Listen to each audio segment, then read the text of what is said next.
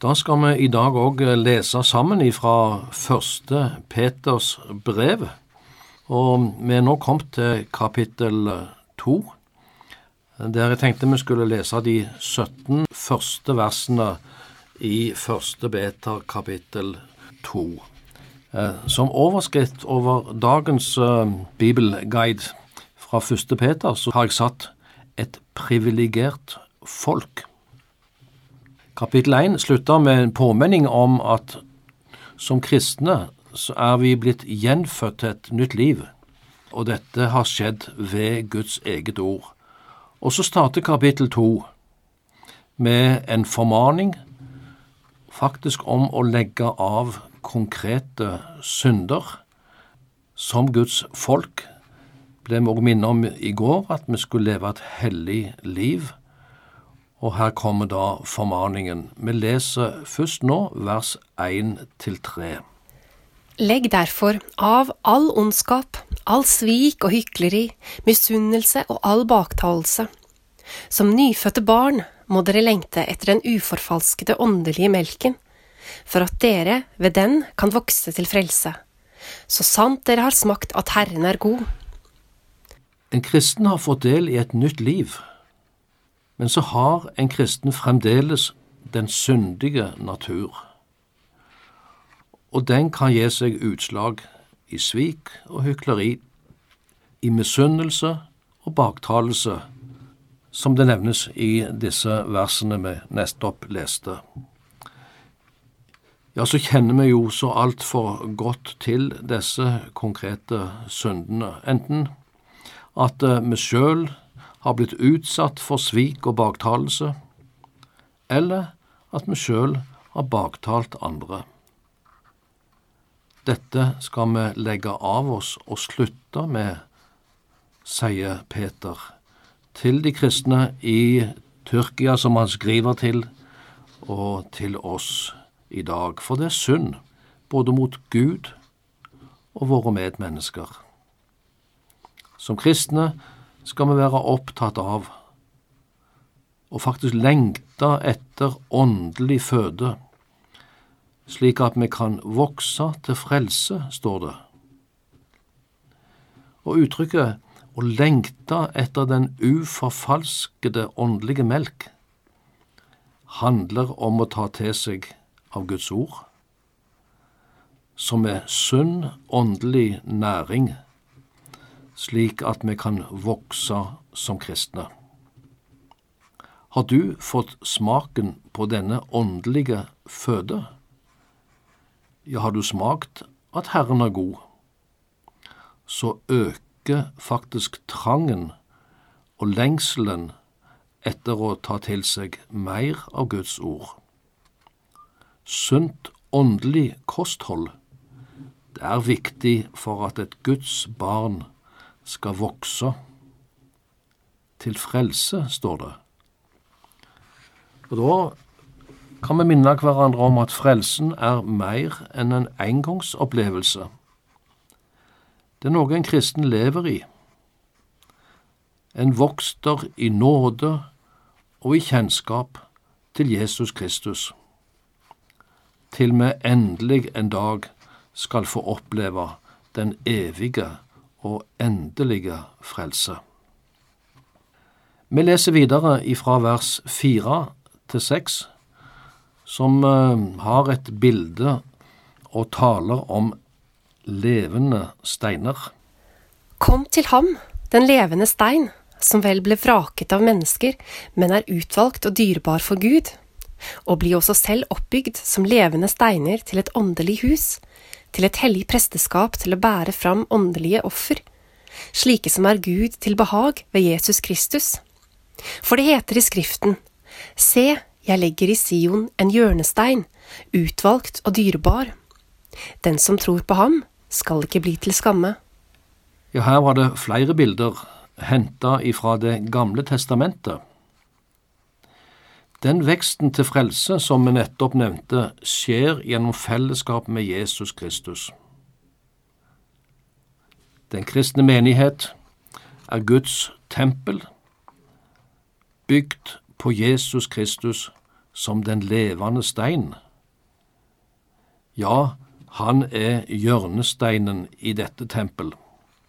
Og som kristne er vi blitt levende steiner i et åndelig hus. Det er altså ikke snakk om et dødt byggverk.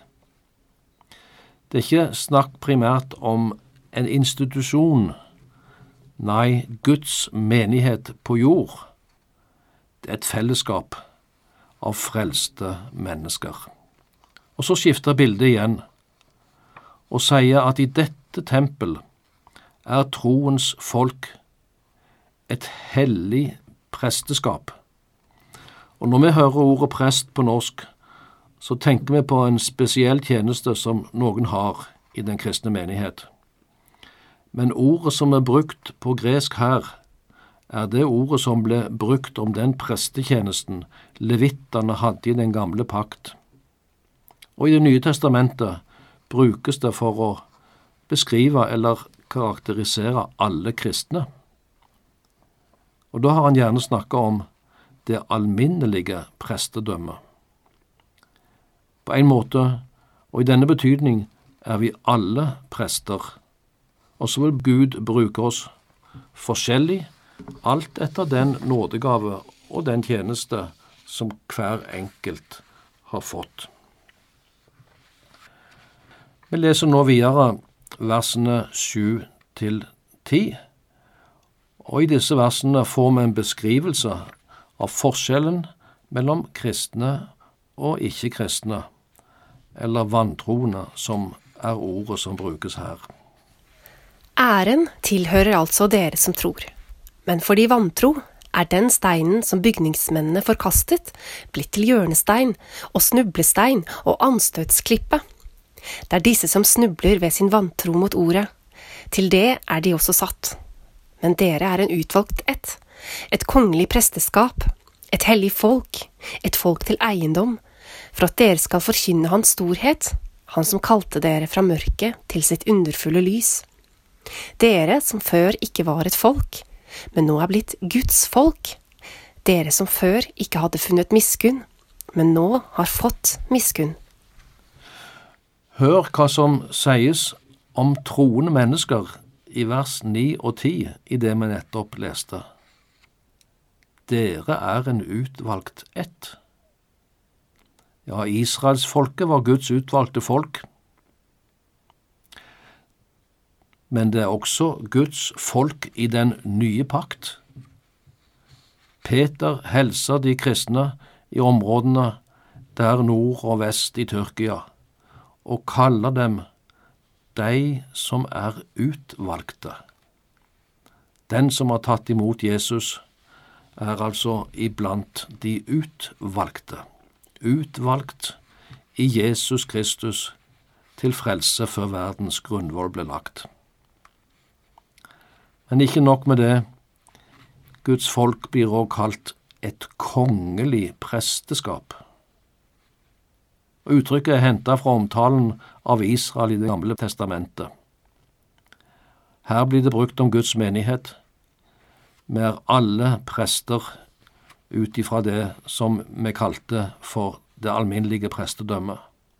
Vi har alle en plikt til å være hans vitner, og vi har alle rett til å henvende oss til Gud uten noen mellommann enn Jesus Kristus.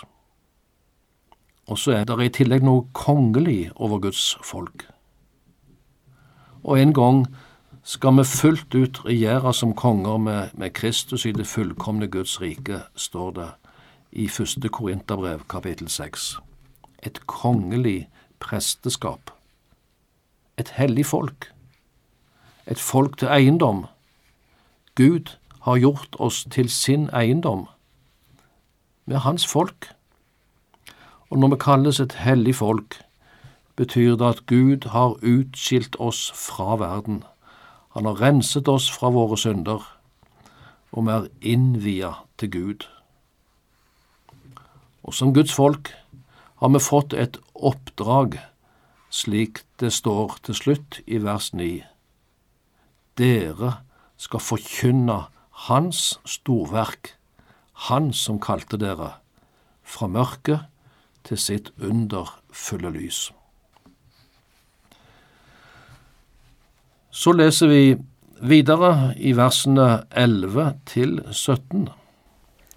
Mine kjære, jeg formaner dere som fremmede og utlendinger, at dere avstår fra de kjødelige lyster som strider mot sjelen.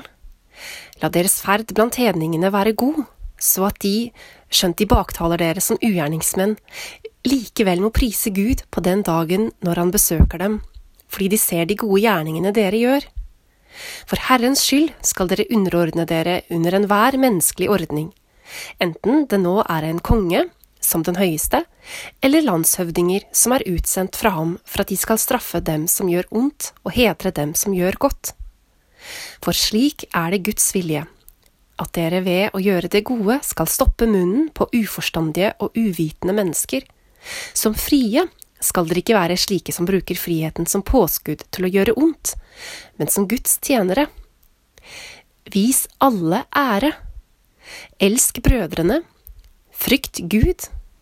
Er kongen.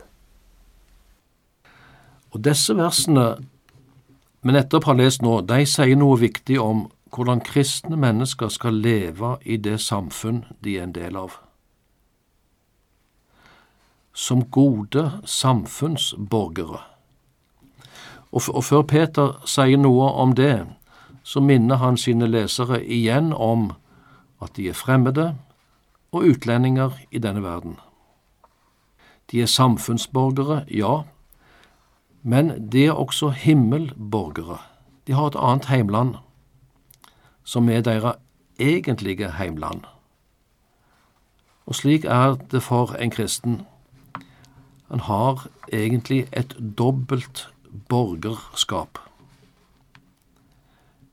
Jeg er norsk statsborger, ja, med norsk pass, men samtidig så er jeg en himmelborger. Peter bruker ordet gjenfødt til et levende håp, og det er en fødsel som gir borgerrett til Guds evige rike. Men så sier Peter at vi skal leve som gode samfunnsborgere. Vår ferd blant ikke-kristne skal være god. Vi skal gjøre gode gjerninger. Vi skal avstå fra kjødelige lyster.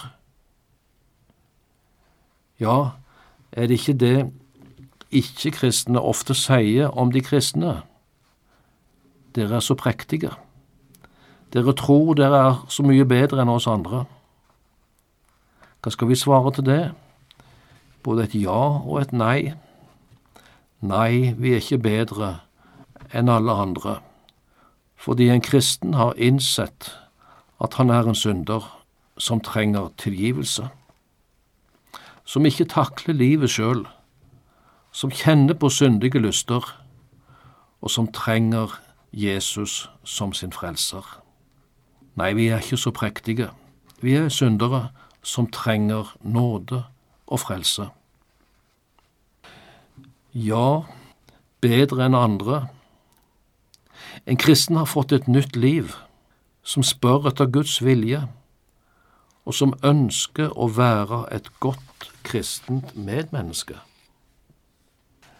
Peter går videre og formaner kristne til å være lovlydige samfunnsborgere som underordner seg landets lover og myndigheter, som tjener samfunnet gjennom sin jobb, betaler sin skatt, forholder seg til lov og rett.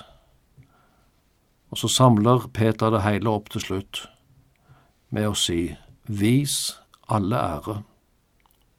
Elsk brødrene. Frykt Gud er kongen. Der skal vi slutte i dag.